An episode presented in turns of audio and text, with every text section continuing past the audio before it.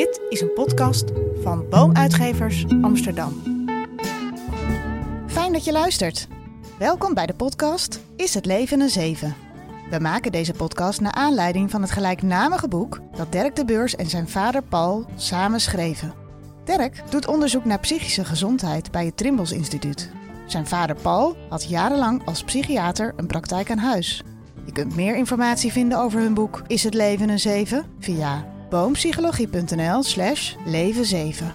In deze aflevering praten vader Paul en zoon Dirk over de uitspraak... Relaties zijn net weerhuisjes. Deze uitspraak gaat over het belang van communicatie in een relatie.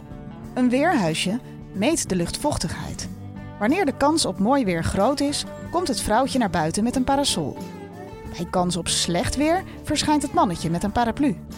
Ruziende stellen gedragen zich als vastzittende weerhuisjes.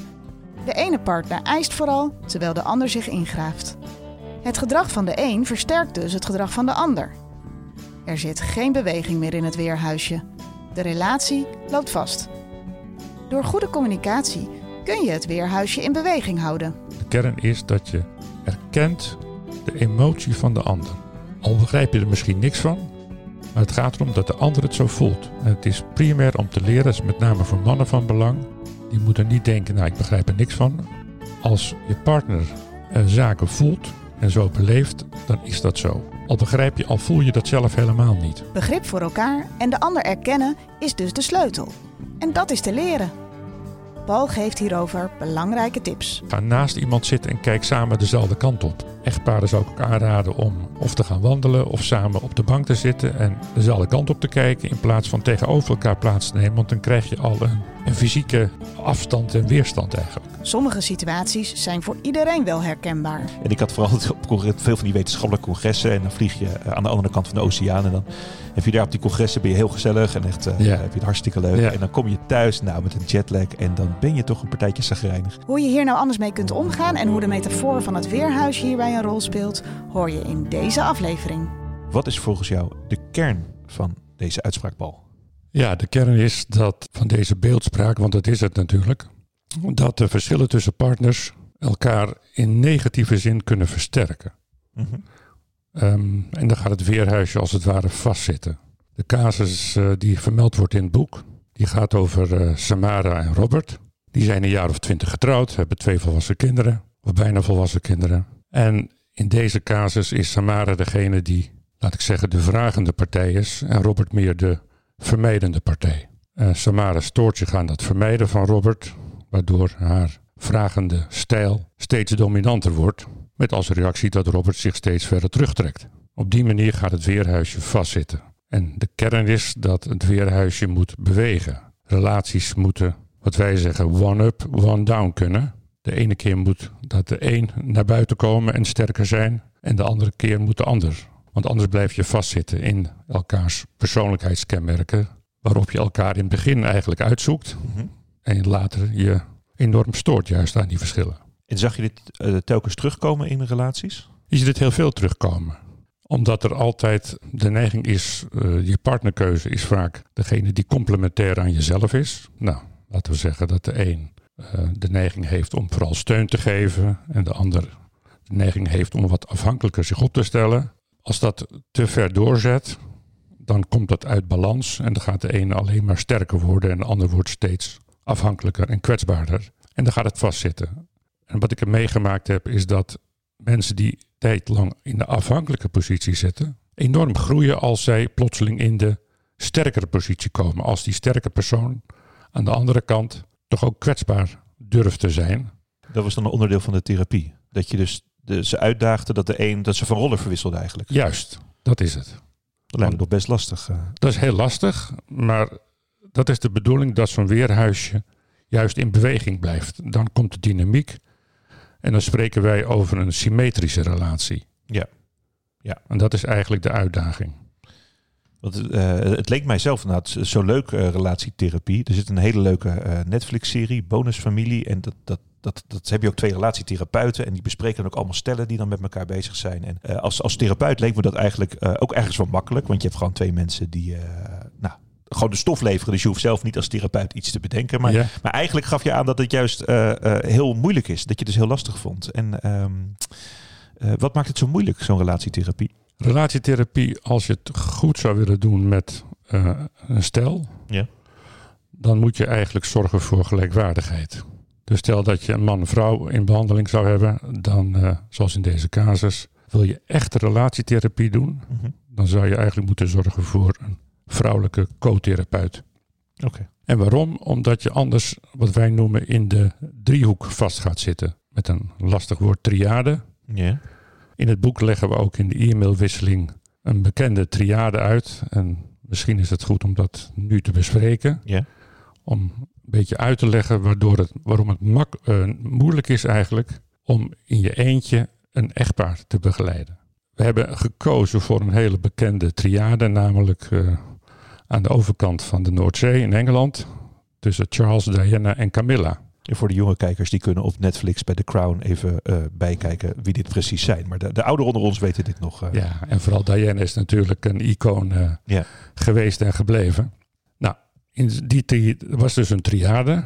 En er zijn dan twee stabiele triades, noemen wij. Twee stabiele driehoeken. De eerste is dat alle drie de partijen het goed met elkaar kunnen vinden. Dus Charles is natuurlijk dol op Diana geweest. En die is dol op eh, Camilla. En wonder boven wonder, idealiter, zou Camilla en Diana het samen ook goed kunnen vinden. Dan heb je een stabiele driehoek. Ja, ja, dus ja, als op die manier kan die relatie dan ook met z'n drieën goed blijven. Juist. Ja. Dat is de meest ideale driehoek.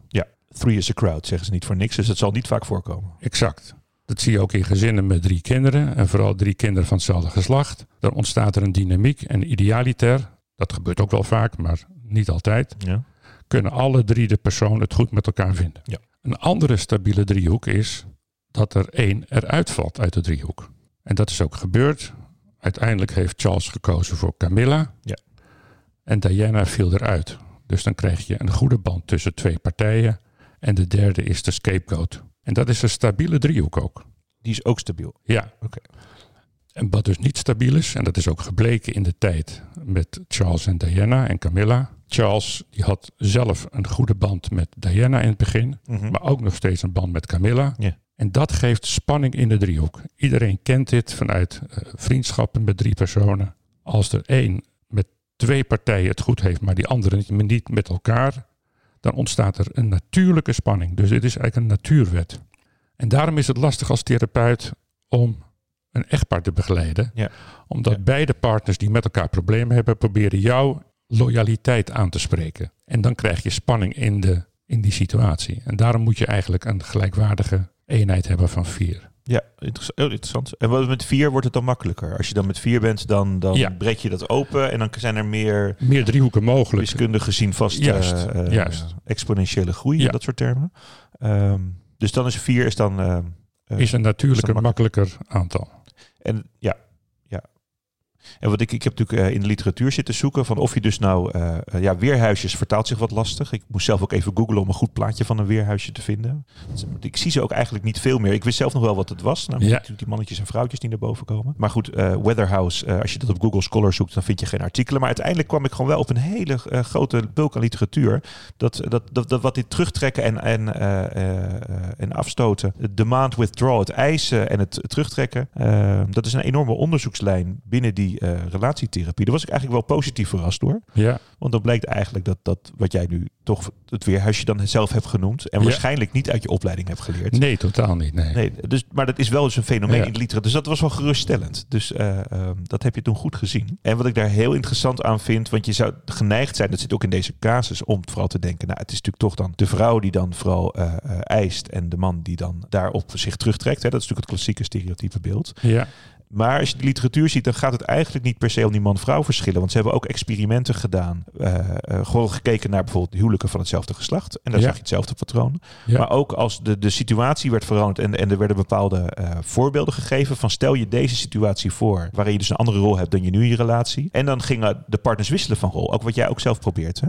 Ja. Dus je zag dan vooral, het gaat om macht eigenlijk. Het gaat niet per se om de verschillen tussen hoe mannen en vrouwen eventueel uh, in elkaar zouden zitten. Of zoals dat beroemde boek zegt, dat mannen van Mars komen en vrouwen van Venus. Uh, maar het gaat eigenlijk om, om machtsverhoudingen. En ja je ziet dat wel veel vaker uh, in de literatuur terugkomen. Dat het de vrouw is die, die eist en de man die zich terugtrekt. En een van de verklaringen dat zo zijn is dat juist de mannen vaker de macht hebben. En de vrouwen dus veel meer hebben om te eisen.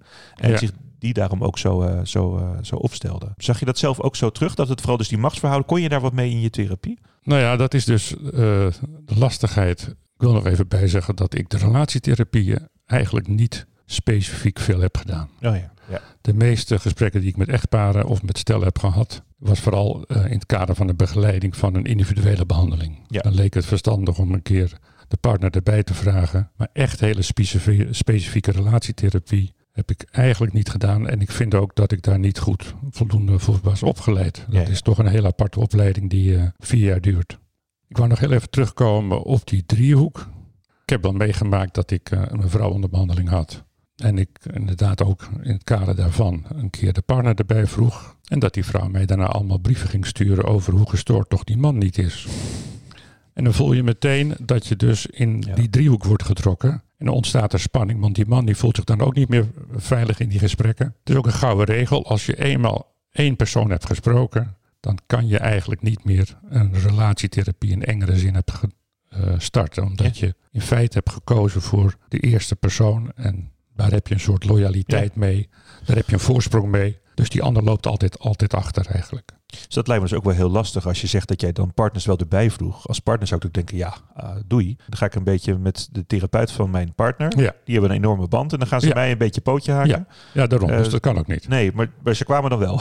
Nou ja, ze kwamen alleen ter, ter informatie en ter ondersteuning van degene die al onder behandeling was. En soms ook een beetje ter ondersteuning van degene die thuis zat met een depressieve man of vrouw. Ja, ja, ja, dan was het toch anders dan, dan ging het... Dan is het meer Ja. een ondersteunende begeleiding van de last voor beide partijen. En ook een soort psycho-educatie over de depressie of de angststoornis van degene die onder behandeling was. Ja, en het lijkt me dan ook vooral heel ingewikkeld dat je dan uit elkaar moet zien te vlooien. Want je spreekt natuurlijk mensen individueel. Maar heel veel problemen, wat we ook in het boek ook zien, gaan ook in interacties. Ja, Dus dan zit je de individuele problemen te behandelen, terwijl juist die interacties zo bepalend zijn. Dat is, lijkt me wel lastig als je dus mensen moet behandelen. Je ziet ze allemaal één op één, maar eigenlijk zou je altijd die omgeving wel willen zien of willen. ja dat ligt aan de patiënt zelf. Of de persoon zelf. Er zijn mensen die willen natuurlijk eindelijk een keer hun verhaal kwijt en hun visie op de zaken. En die hebben eigenlijk, die zou het heel vervelend vinden als je de partner erbij zou roepen. Of misschien de ouders of, uh, of grootouders of wat dan ook. Men heeft vaak de behoefte om een keer individueel gehoord te worden. En dat, nou, dan is het in ieder geval uit den boze om dan door te zetten om iemand anders erbij te vragen. Ja. Ja, je ziet dan, ik heb dan voor mijn promotie deden we die, uh, die suïcidepreventietrainingen. En dan Ja. waren er eigenlijk twee thema's. Het eerste was dan echt vooral contact maken met anderen. En het tweede thema was dan het betrekken van naasten. En daar is nu ook in de hele psychiatrie veel meer aandacht voor. Behalve dat het gewoon heel moeilijk blijkt. Ja. Dus het is, het is makkelijker te zeggen uh, uh, dan gedaan. En het lijkt me dus wel ingewikkeld om op afstand te moeten inschatten. Want je moet maar de patiënt op, op zijn woord geloven hoe die relatie is. Die, die geeft ook jou een beeld Ja. van, van zijn kijk op de relatie. Dan ga jij die persoon zelf helpen. Maar je weet helemaal niet of die wel bij het. Dus misschien maak je het nog erger voor de partner thuis. Dat is ook soms. Wat wel uh, gebeurt, is dat mensen die individueel onder behandeling zijn, vertellen over een thuissituatie. Ja. Bijvoorbeeld dat een vrouw klaagt over haar dominante man of dat hij haar slaat. Ja. En dan ja. heb je als behandelaar de neiging om dan misschien een verklaring of de huisarts te bellen dat die man slaat en dat die man geen goede uh, echtgenoot of vader is. Daar moet je ongelooflijk voor oppassen. De waarheid die je hoort is de waarheid van de spreekkamer. Ja. En het is niet de waarheid buiten de spreekkamer. Die ken je niet. Je hoort alleen het verhaal van degene die in zorg is, maar je, je mag geen conclusies trekken over de hele context waarin iemand zit. Dus je mag geen oordeel vellen. Er zijn, omdat ik ook voor de inspectie heb gewerkt, heel veel tuchtzaken geweest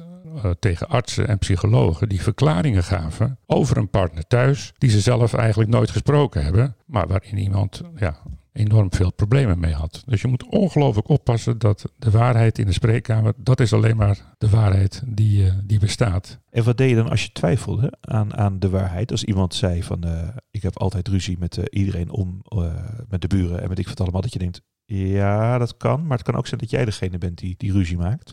Uh, dus hoe kan iemand klagen over zijn dominante vrouw? Terwijl je eigenlijk denkt van ja, dat kan misschien. Je weet niet of dat waar is of niet. Uh, klopt. Dus hoe moet dat je klopt. dat dan.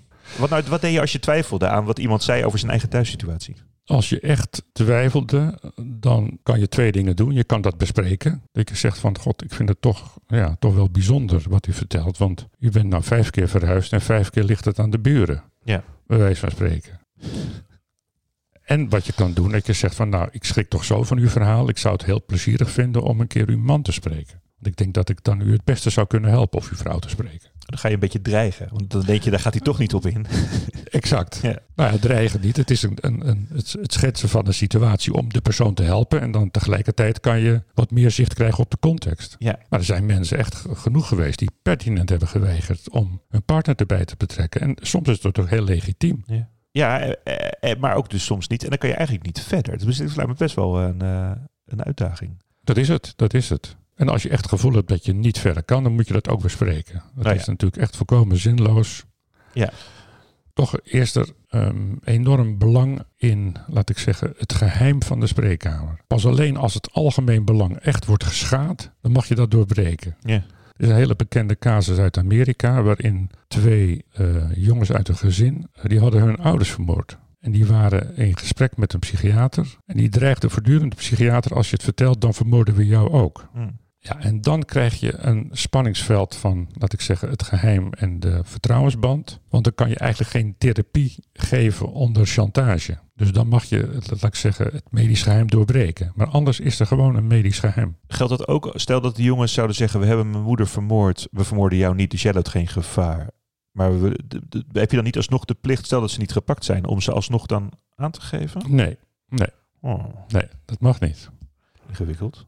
Nee. Het is... ehm, Dat, kijk, het is zo ontzettend belangrijk dat mensen durven open te zijn. Juist in die vertrouwdheid van die spreekkamer. Dus dat is nou vergelijkbaar met de rol die een advocaat ook, uh, Ja. ook heeft. Ja. Ja. Nou ja, we, zien, we hebben die discussie ook vaak bij suicidaliteit. Van, oh, van als iemand suicidaal is, uh, dat je dan de, de, de, de richtlijn zegt dan dat je naasten moet betrekken. En hoe ver ga je dan om die naasten te betrekken, ook als een patiënt dat niet wilt? Dat is nog heel. nou ja, dat is ook heel lastig, omdat met name, laat ik zeggen, mensen met een psychotische stoornis, een ernstige psychotische stoornis, wat we dan schizofrenie noemen, maar meer een ernstige kwetsbaarheidsstoornis. Een van de kenmerken is dat ze geen ziektebesef of inzicht hebben. Ja. Dus die, die zien helemaal niet het belang of die zien helemaal niet dat ze ziek zijn. En dan ga jij de omgeving erbij vragen. Ja, dat willen ze helemaal niet. Want er is niks aan de hand met ze. Ja. Idealiter probeer je dan met een, een co-therapeut of maatschappelijk werk... dat die een ondersteuning biedt aan de familie... en dat je toch contact krijgt met het systeem. Ja. Want het is natuurlijk wel zo dat het systeem zit dag in dag uit met die patiënt. En jij zit maar één keer in de week. Uh, dus het is natuurlijk niet eerlijk als iemand zo ernstig ziek is. Ja, het is ook niet eerlijk, maar het is ook waarschijnlijk niet uh, effectief. Omdat iemand natuurlijk, um, wat je zegt, één uur dan in de week of de, de twee weken bij jou dan zit. En verder zit hij in zijn natuurlijke omgeving. Ja. Dus dat, dat zie je wel een verandering hoor. In, Ja. in de, uh, dat er steeds meer geprobeerd wordt om mensen in hun natuurlijke omgeving ook uh, uh, terug te laten keren. Meer op Ja. herstelgericht, hè, Ja. dat, uh, die hele beweging. Ja. Wil je meer weten over Is het leven een zeven? Of het boek van Dirk en Paul bestellen? Voor jezelf, een vriend, je vader of je zoon? Ga dan naar boompsychologie.nl slash leven 7. Maar laten we terugkeren naar uh, het weerhuisje. Ja, ja, ik ben wel heel benieuwd, want het is natuurlijk nu, uh, um, er is natuurlijk veel veranderd in, in de manier waarop relaties uh, nu ook met die, die machtsverhoudingen omgaan. Dus ik merk dat aan, aan uh, mijn vrouw en ik. Wij moesten echt, we waren voor het eerst eigenlijk een generatie die dan echt allebei werkte. Uh, we hebben allebei gezinnen waar dan de vader werkte en de, en de, de moeder dan uh, thuis was. Um, waardoor je weer een hele andere verhoudingen ook krijgt in, in, in wat je doet in het huishouden. Um, en hoeveel macht de een heeft of hoeveel ruimte de carrière van de ander krijgt. En dat zag jij nou uh, tussen generaties daar ook uh, veranderingen in je praktijk? Dat, dat, dat oudere stellen een andere eigenlijk soort, soort weerhuisje dynamiek lieten zien dan, dan, dan jongere stellen? Nou ja, wat we wel vaak zeggen, het leven is uh, een kwestie van kiezen. En als je niet zelf kiest, dan kiest het leven voor jou wel. Mm -hmm. Het weerhuisje is natuurlijk vooral van belang op het, laat ik zeggen, emotionele vlak. In praktische zin kan je best wel complementair zijn. Hè? De een kan groene vingers hebben en die vindt het fijn om in de tuin te werken. En de ander is uh, handig in het huishouden of uh, die is handig met de klussen. Je hoeft niet elkaar altijd symmetrisch te zijn. Dus in praktische zin is complementariteit niet erg. De een houdt graag misschien van koken en de ander, uh, en de ander helemaal niet. En dat is denk ik een beetje nou, de uitdaging om die verschillende rollen goed, goed uit te dokteren met elkaar. En vooral niet op die machtsfactor, maar op het belang te gaan zitten. Dat is ook een kwestie van de onderhandelingen. Ook in een relatie moet je met elkaar eigenlijk onderhandelen. Dat doe je de hele dag. En wat is dan het sleutelwoord in onderhandelingen? Is belang en niet je gelijk. Wij zeggen altijd: gelijk is geen geluk. Ja, die komt later ook nog eens een keertje uitgebreid uh, ja. uh, aan bod. Ja. En daarom moet je zorgen dat je in het woord belang met elkaar blijft delen. En dan moet je de rollen en de taken, dus de praktische dingen, daar moet je over, nou ja, eigenlijk onderhandelen samen op de goede manier en liefdevol. Maar in de emotionele zin ben ik altijd heel erg voor dat mensen echt een bewegend weerhuisje maken. Dat niemand altijd de sterker is en de andere altijd de zwakker. Of de ene dominante en de andere de submissieve. Probeer toch, want iedere sterke heeft behoefte aan steun. En iedere afhankelijke heeft behoefte om uit die kwetsbaarheid te komen. En ook een sterke persoonlijkheid te zijn. En relaties houden het vol als ze elkaar alternerend daarin kunnen begrijpen en verstaan. En had je daar dan ook, want het lijkt me, dat klinkt uh, natuurlijk heel logisch ook, maar best wel uh, lastig om. Ik kan me ook voorstellen dat je eenmaal in een situatie komt waarin de een steeds dominanter wordt en dat het juist alleen maar erger wordt. Dus had je daar ook praktische tips voor? Ik kan me voorstellen dat de luisteraars op het puntje van de stoel nu zitten te wachten van ja, maar hoe? Nou ja, dat is die emotiegerichte therapie. Um, wat jij schrijft van uh, dat de een sterker wordt, dat is het vastzitten van het weerhuisje. Ja. En die emotiegerichte therapie, die gaat er eigenlijk om kern is dat je erkent de emotie van de ander. Ja. Al begrijp je er misschien niks van, maar het gaat erom dat de ander het zo voelt. En het is primair om te leren, is met name voor mannen van belang. Die moeten niet denken, nou ik begrijp er niks van. Als je partner uh, zaken voelt en zo beleeft, dan is dat zo. Al begrijp je, al voel je dat zelf helemaal niet. En dat begrip voor elkaar, nou ja, dan kom je weer op het woord erkenning uit. Je moet erkennen hoe de ander het voelt. En dat is eigenlijk het sleutelwoord dat je dat leert. En dat kan je, nou ja, als mensen zich daarvoor openstellen. Dat de ruimte en niet meteen je gaan verdedigen.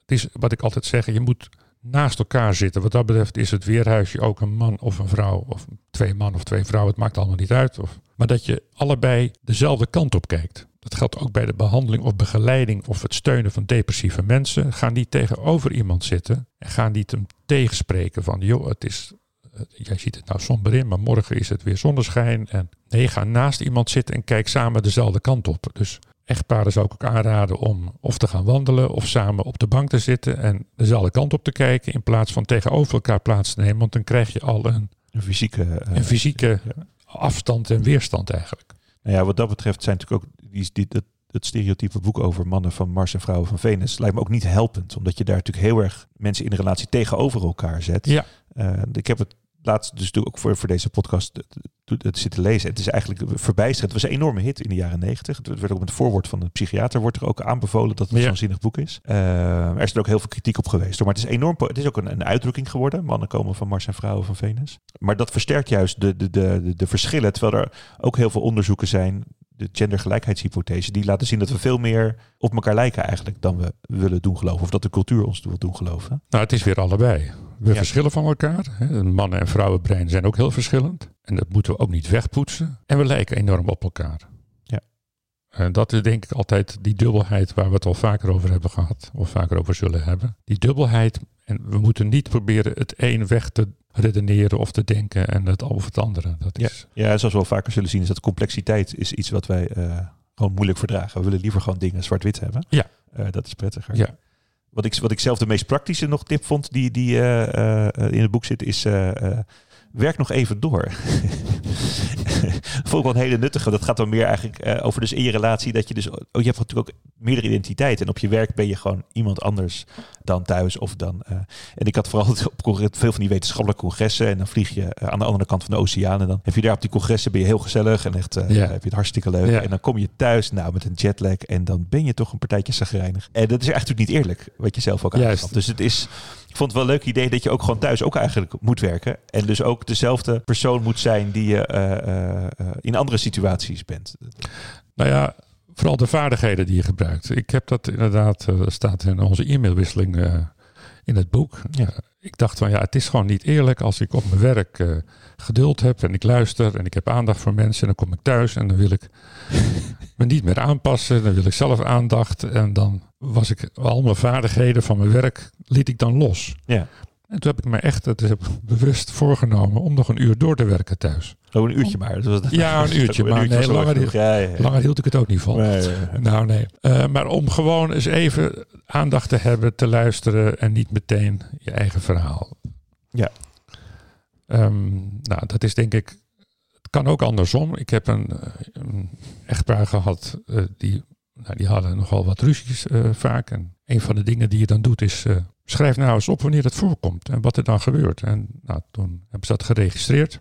En het bleek dat de ruzies eigenlijk begonnen op donderdag, op vrijdag. En wat was dan het verhaal? Die man kwam vermoeid thuis van zijn werk. En dan uh, om zes uur. En die vrouw die begon meteen. Hij was nog niet binnen. Of het hele verhaal van de dag met de kinderen en problemen, et cetera. Nou, dat hield hij maandag vol. Dat hield hij dinsdag vol, woensdag. En donderdag was hij er klaar mee. En dan begon hij ruzie te maken. Nou, dan voelde zijn vrouw zich niet begrepen en dat escaleerde. We hebben toen afgesproken dat die man, omdat hij heel fysiek zwaar werk had, eens even naar boven kon gaan. Zijn vrouw even niet meteen met haar verhalen en haar behoeften, wat heel begrijpelijk was, op hem zou springen. En dat hij eens even zou verkleden en dan de krant lezen. En na een uur zou dan het gesprek over de dag zijn. Dat heeft ongelooflijk goed geholpen. Hoe simpel kan het zijn? Ja, en dan is het dus niet werk uh, even niet door. Ze heeft te denken wat het dan wordt. Maar uh, uh, je hebt een soort bufferzone nodig. Nou ja, even een time-out om maar zo te noemen. Nou ja, ik merk wel dat, dat nu met corona werkt natuurlijk iedereen, of heel veel mensen werken dan thuis. Dus je bent je natuurlijke overgangsritueel ben je kwijt. Dus, dus ik werk dan nu boven en normaal had je dan een treinreis om even wat afstand te nemen van werk. En nu ben je gelijk in vijf minuten van je werk in je gezinsleven. en ik mis wel inderdaad die afstand die je kan nemen. Dat is wel... Ja, dat vind ik wel lastig. Ja. Het is ook heel lastig. Ja. En dat denk ik ongelooflijk maar van belang om het vol te houden met elkaar. Om die rollen toch heel goed te scheiden. Dat je niet voortdurend aan het werk bent. Dus ik ben heel erg tegen die 24 uur economie, zeven dagen in de week. Ja. Omdat je moet weer uit, uit die rol. En je moet de rol dan zijn van vader of partner. Uh, dat is ongelooflijk belangrijk. En daarom willen mensen ook met vrienden wat doen. Omdat je dan in de rol van de vrienden bent. Of in de rol van het sporten. Ja. Ja, dat is nu met corona wel heel ingewikkeld. Ik heb eigenlijk nu twee rollen. Dat is natuurlijk uh, uh, vader of mijn partner en werken. Maar alle ontspannende dingen, die zijn natuurlijk um, nu weg. Ja. ja. Dat zullen meer mensen ervaren. Ja. Dat is natuurlijk wel een enorme... Ja. Ja, die zijn er niet voor niks, die rollen. Die zijn natuurlijk ook om gewoon te kunnen ontspannen. Ik wil nog iets zeggen over... Nou, in de reservetijd dan, Paul, als het snel kan. Maar niet te snel. Iets over communicatie, omdat dat ook natuurlijk een deel is, de subtitel van van deze uitspraak. Mm -hmm. In de communicatie spelen twee dingen of drie dingen eigenlijk een rol. Eerste is dus de inhoud en de betrekking. En de inhoud is natuurlijk wat je zegt qua inhoud. En de betrekking is wat je ermee bedoelt. Ja. Dat speelt natuurlijk altijd een enorme rol. Wat je zegt en wat je uitstraalt. En de toon waarop je het zegt. Als ik onderuit ga zitten met mijn uh, helemaal uitgezakt en ik zeg... Ali, ik hou van jou. Dan denkt ze, ja, de inhoud klopt het. Maar op betrekkingsniveau, wat je ermee bedoelt, en non-verbaal, zoals je erbij zit, ben je er niks van. Mm -hmm. Dus het is ongelooflijk belangrijk om de non-verbale communicatie, waarvan wij wel vaak zeggen dat is de drager van de echte boodschap, om die enorm goed synchroon te laten zijn met de inhoud van wat je zegt en wat je bedoelt te zeggen. Ja. ja. Het allerlaatste is het begrip metacommunicatie en dat is praten over de communicatie. Dat is communiceren over de communicatie. Dat komt ook een beetje uit de mediation, ook natuurlijk uit de gewone systeemtheorie. Maar als twee partners allebei niet in staat zijn om wat te zeggen en die zwijgen al een paar uur. En één van de twee zou kunnen zeggen: Het valt mij op dat het niet lukt bij ons om wat te zeggen. Dan is dat een soort opening. Ja. Dus de metacommunicatie is een soort, wat wij zeggen, splijtend zwaard van een pro- dit lost een probleem op. Als je staat te schreeuwen tegen elkaar, dat je zegt op een gegeven moment, nou volgens mij gaan we elkaar zo niet verstaan. Zullen we even stoppen. Dus praten over de communicatie is heel erg van belang. En natuurlijk ook heel moeilijk omdat je zo in je emotie dan zit. Uh, dus het, eigenlijk een soort duveltje in een doosje. Iemand van buiten die vanaf het balkon iets roept uh, van... Uh, exact. Ho ho. Even een cut, een, een ja. time-out. Ja, omdat het anders escaleert. Dan ja. krijg je een Dan krijg je escalatie. van zitten. Dit was aflevering 3. Veel dank voor het luisteren. Vond je het leuk? Volg en like ons op Instagram, leven7. Vergeet niet je te abonneren in je favoriete podcast-app. Dan ben je direct op de hoogte als er een nieuwe aflevering online komt. Meer informatie vind je op boompsychologie.nl slash leven7. In de volgende aflevering bespreken Dirk en Paul de uitspraak... Je bent Johan Cruijff niet. Over zelfcompassie. Tot dan!